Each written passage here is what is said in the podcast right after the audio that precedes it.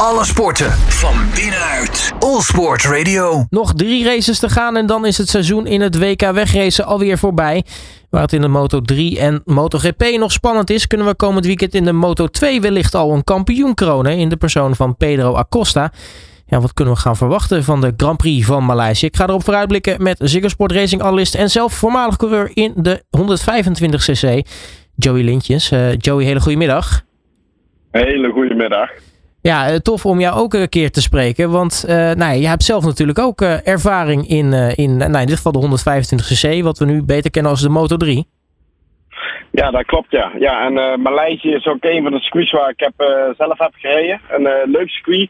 Voor de coureurs wel pittig. Het lijkt op zich een, een, een vrij makkelijk circuit omdat het heel breed is. Maar omdat het ook zo breed is, is het ook moeilijk om die concentratie wel scherp te houden. En dat bij 35 graden plus ja, is het wel uh, ja, een, een mooie uitdaging komend weekend in Maleisië. Het circuit van Sepang uh, was in de Formule 1 althans eigenlijk altijd wel een van mijn favorieten. Daarom ben ik blij dat er in, in de MotoGP nog wel wordt geraced. Um, waar, waar ligt nou de grootste uitdaging in uh, op dat circuit? Ja, je zegt uh, je moet je wel je concentratie houden. Het is heel erg breed daar. maar natuurlijk ja. ook veel lange rechte stukken. Ja, maar lange rechte stukken brengt ook mee, Robert, dat je uh, hele lange remzones hebt. En lange remzones resulteert erin dat uh, de bandenslijtage toch al vaker flink op zijn donder krijgt. Dus uh, als we kijken naar de MotoGP zal het bandenmanagement weer een hoofdrol gaan spelen. En zeker met de, de, warme temperaturen die ook van dit weekend voorspeld zijn. Kans op regen is in Maleisië altijd wel aanwezig. maar bij dit circuit specifiek uh, flinke acceleratiezones, echt van lage snelheid naar hele hoge snelheid, 300 plus. En dan het hele harde remmen en de lange remzones. Ja, dat is wel een uitdaging voor de coureurs. Ja, kunnen die uh, Dunlopbanden dat, dat goed hebben? voor de Moto 3, voor de Moto 2 is het inderdaad de Dunlopbanden. Daarin zijn de Dunlopbanden gewoon heel erg goed. En, en praat men over hele, een, een stijf karkas en een goed compound. Maar bij Michelin en de MotoGP, hè, dat is de enige bandenleverancier die in de MotoGP uh, geldt, Michelin. Ja, daar is natuurlijk hier en daar wel wat minder ontwikkeling geweest in de laatste twee jaar. Hè. Dus sommige banden zijn niet meer optimaal voor de huidige generatie motoren. Denk je bij aan de winglets, uh, de, de, vleugels op de motor, uh, de rijhoogte, rijhoogte ondersteuning, height high device. Ja, de banden krijgen hierdoor wel heel zwaar te belasten in de MotoGP vandaag de dag. Nou, ik noemde het in de intro al. In de Moto 3 en de MotoGP is het nog volop spannend. Hè? De strijd om, uh, om, om het kampioenschap. In de Moto 2 staat Pedro Acosta ruim voor. Sterker nog, uh, hij zou technisch gezien in Maleisië ergens al kampioen kunnen worden. Ja, ja nee, dat klopt. Pedro Acosta uh, zal voor komend seizoen een MotoGP-coureur worden bij, zoals het nu eruit ziet, KTM Gas Gas. Pedro Acosta is ook al de nieuwe Marc Marquez genoemd of je die titel wil hebben, ja, dat neemt wel echt extra druk met zich mee. Maar ja, weet je, het is voor nu echt uh, zeker de, de favoriet voor de Moto 2 titel. Ja, en de Moto 3 is nog super spannend tussen uh, Ayumi Sasaki en uh, Jaume Masia.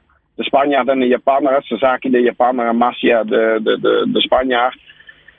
Uh, en leuk nieuwtje is dat Sasaki is teamgenoot van onze Nederlandse coureur Colin Veijer, die het gewoon onwijs goed doet. Echt mega goed doet. Uh, daarin is het, wordt het spannend. Moto 3 is altijd spannend. Maar het gaat natuurlijk ergens wel een beetje om de MotoGP. En ja, de MotoGP met de 13 punten verschil op dit moment, ja, die is nog wel. Uh, ja, daar kan nog wel heel veel gebeuren, ja. Zeker. Ja, voordat we het dan uh, over de MotoGP gaan hebben. Ja, eerst nog even kort dan uitstapje ook Moto 3 en Moto 2 qua, qua Nederlanders. Uh, ja, je noemt Colin Veijer natuurlijk al. In Thailand dan eindelijk dat, dat podium waar hij uh, lang op zat te wachten. klimt daardoor naar 9 in, in de constructeurs of in de, in de rijderstandings. Um, ja, teamgenoot van Ayumu Sasaki, dat, dat duo... Ja, ondanks dat het misschien eventjes misging in Indonesië. Het lijkt toch, toch best wel goed op elkaar ingespeeld. Ja, en, maar wat ik veel mooier vind om te melden is dat Colin Veijer, eh, debutant in dit kampioenschap, die, en dat ga je dit weekend ook zien, die gaat de baan op. Hij kent het circuit helemaal niet, maar hij gaat meteen vanaf de eerste training doet hij zijn huiswerk. Ja, ze rijden samen met, als teamgenootjes op de baan, maar je zult Colin Veijer vooral alleen zien rijden om zijn huiswerk te doen. En wat, wil dat, wat houdt het in? Race pace opbouwen, motorfietsafstelling. Ehm, ik denk dat Colin op dit moment op niveau is gekomen dat uh, samenwerken moet. Maar hij is het niet meer nodig om uh, Sasaki uh, te helpen om zijn eigen snelheid beter te maken. Ik denk dat Sasaki op dit moment meer heeft aan Colin dan Colin aan Sasaki, als ik heel eerlijk ben. Zo goed is, is Colin op dit moment.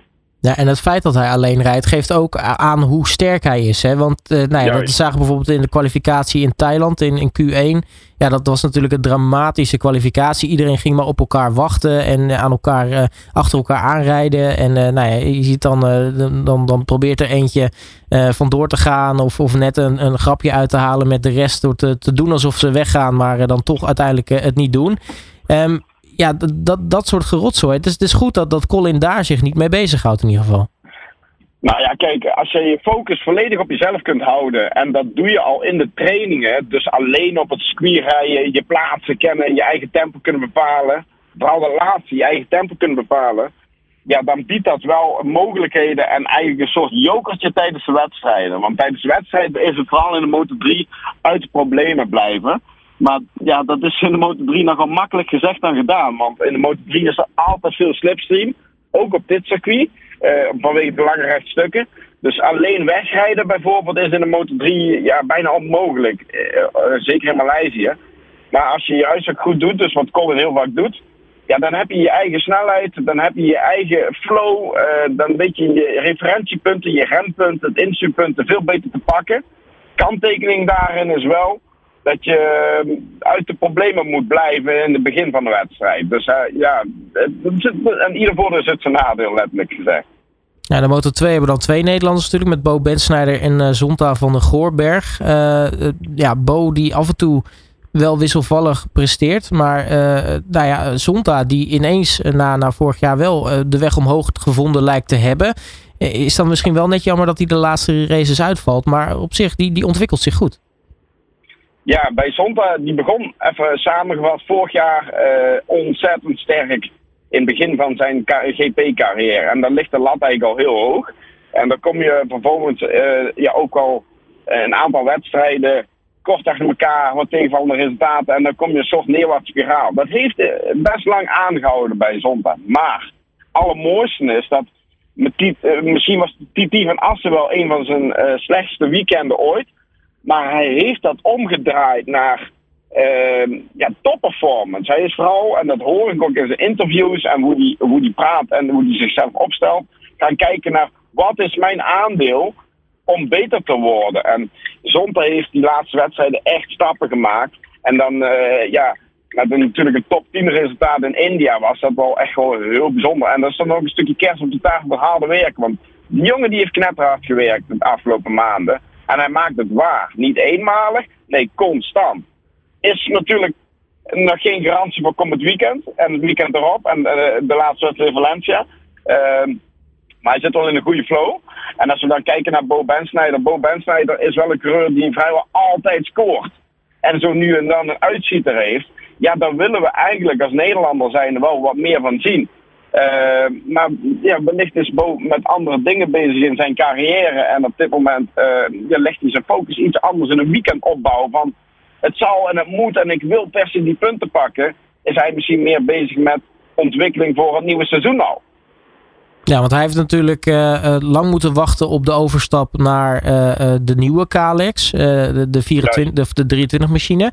Um, dat, dat, dat hoor je wel uh, zeggen dat, dat dat hem ook misschien een beetje sparten speelt. Hè? Dat het wat moeilijker is om die overstap te maken naar de, de machine van dit jaar. Ja, ja dat heb je heel goed opgemerkt. Uh, kijk, de Triumph heeft natuurlijk. Ja, is, is echt een andere fiets. En Kalex komt altijd met updates. En de Triumph is een motorblok. Triumph is een motorblokleverancier van de Motor 2. Dat voor alle duidelijkheid. -hmm. die, zij hebben updates doorgevoerd. Nou ja, dat resulteert er dan bijvoorbeeld in dat je minder tractie hebt of juist meer koppel hebt. Ja, afstandsmogelijkheden worden daardoor complexer. Um, wanneer je ook kijkt naar Kalex chassis. Um, ja, ook daar zijn zoveel afstelmogelijkheden in de Motor 2. Maar de motorblok is vrijwel voor iedereen gelijk. De versnellingsbak is voor iedereen gelijk. Dus je zult heel veel uit de frame moeten halen en bandenafstelling en uh, veringafstelling. wanneer je dus een, een, ja, al langer in deze klasse meedoet en je moet iets af gaan leren, is dat vaak veel moeilijker dan nieuwe dingen aanleren. En ik denk dat daarin het verschil nu wordt gemaakt tussen Zonte en Bo. Terwijl ze allebei echt op heel hoog niveau presteren op dit moment. Denk ik dat het iets makkelijker is op dit moment voor Zonte dan voor Bo. Als we dan eh, de overstap maken naar eh, de MotoGP, daar is het eh, bovenin heel spannend. We hebben Pecco Bagnaia, de, nou ja, de regerend kampioen natuurlijk in de MotoGP. En dan hebben we ook Jorge Martin. Een, een, een rijder die zeker in de sprintraces ontzettend goed is. Ehm, ja, in, ook in de hoofdraces steeds vaker laat zien wat hij kan. Um, het is, het is ja, het, natuurlijk het Ducati uh, fabrieksteam versus uh, een, een, een, nou ja, een niet-fabrieksteam. Maar het, het is wel een, een eervolle kwestie waar uh, ja, eigenlijk wat ook meespeelt in die kampioenstrijd. Ja, ja zeker. zeker. Kijk, uh, het is dan wel zo dat uh, Jorge Martin niet in een fabrieksteam rijdt, maar rijdt wel met fabrieksmateriaal. Dat wil zeggen dus dat ook fabrieksondersteuning is. Dat wil zeggen personeel. Dat zorgt dat hij zijn performance kan optimaliseren. Maar het is natuurlijk voor een fabriek als Ducati belangrijk dat een fabrieks Ducati-team ook gewoon een fabrieksteam eh, daadwerkelijk wereldkampioen wordt. En toch denk ik dat ergens Martin op dit moment de betere papieren in handen heeft. Want ja, hij kan jagen en, en, en ik, ik ben liever een jager dan dat ik word opgejaagd, als ik heel eerlijk ben. En bij Martin zie je dat ook dat killerinstinct, dat, dat heb je wel nodig. Hè? Killerinstinct, het aanvallen, het bereid zijn om ook verlies te durven pakken. Uh, ja, het, zal voor Martin vooral belangrijk zijn om nu ook een beetje slimmer te worden. Dat wat Banjaya bijvoorbeeld wel heeft. En hopelijk uh, voor Martin zijn eerste uh, ja, wereldtitel binnen te halen. Maar, wat jij zegt, het is wel een stukje prestige kwestie. Het is een stukje ego kwestie bij de coureurs. Er spelen heel veel, heel veel facetten bij deze boys. Wat verwacht jij van dit weekend van, van die MotoGP-race? Ook, en, en de strijd tussen die twee natuurlijk. Uh, je kent vaak een moeilijke vrijdag, maar weet zich eh, wel heel goed uh, te herstellen op een zaterdag en op een zondag. Uh, heeft hele goede herinneringen aan de, Maleisië, ook in, zijn Moto3-tijd, in zijn Moto2-tijd. hij heeft daar echt bijzonder mooie momenten meegemaakt. dat zou mentaal een voordeel zijn. Maar ja, ik denk dat Martin gewoon op dit moment de man to beat is. die zit in zo'n goede sterke flow. Um, en weet je, dan kom ik terug op het stukje durven risico's nemen en soms iets meer durven aanvallen. Ja, ik denk dat daar het verschil mee gaat gemaakt worden in Maleisië. Uh, Maleisië zal misschien nog niet, uh, ja, hoe zeg je dat, de, de, de, ja, de daalder zijn op, op dit kampioenschap. Ik verwacht dat er nog met Qatar aanstaande en ook Valencia aanstaande. Ik hoop dat de titelstrijd naar Valencia gaat, dat verwacht ik ook. Maar met 37 punten per weekend tegenwoordig te verdelen in het sprintformat. Ja, denk ik toch dat het wel naar, uh, naar Valencia toe gaat. Uh, mijn verwachting is dat Banjaya dit weekend beter gaat presteren dan Martin. En dan Qatar en Valencia dat Martin weer een voordeel is. Dat is mijn verwachting. En dan uh, gaan we die titelstrijd lekker uitstellen tot, uh, tot in Valencia. tot slot, verwacht je dat Acosta dan wel uh, in Maleisië dan uh, zijn, zijn wereldtitel kan pakken? Ja, Pedro Acosta, als hij het hoofd, uh, het hoofd koel weet te houden, dan gaat hij zijn wereldtitel binnenhalen. Uh, weet je, we hadden het net over Martin, de man to beat. En dat is Pedro Acosta in de Moto 2 het hele seizoen. Iedere training is hij gewoon zo ijzersterk. Dus het moet raar lopen, wil Pedro Acosta in de Moto 2 niet zijn, zijn tweede wereldtitel in zijn carrière gaan pakken. Ehm, Nee, ik, ik zie zeker uh, Pedro Acosta zijn wereldtitel gaan pakken dit weekend. We gaan het allemaal meemaken. Alles natuurlijk weer te zien op uh, Ziggo Sport Racing. Uh, Joey Litjes, mag ik je hartelijk danken voor je tijd. En alvast heel erg veel plezier ook komend weekend. Alle sporten van binnenuit. All Sport Radio.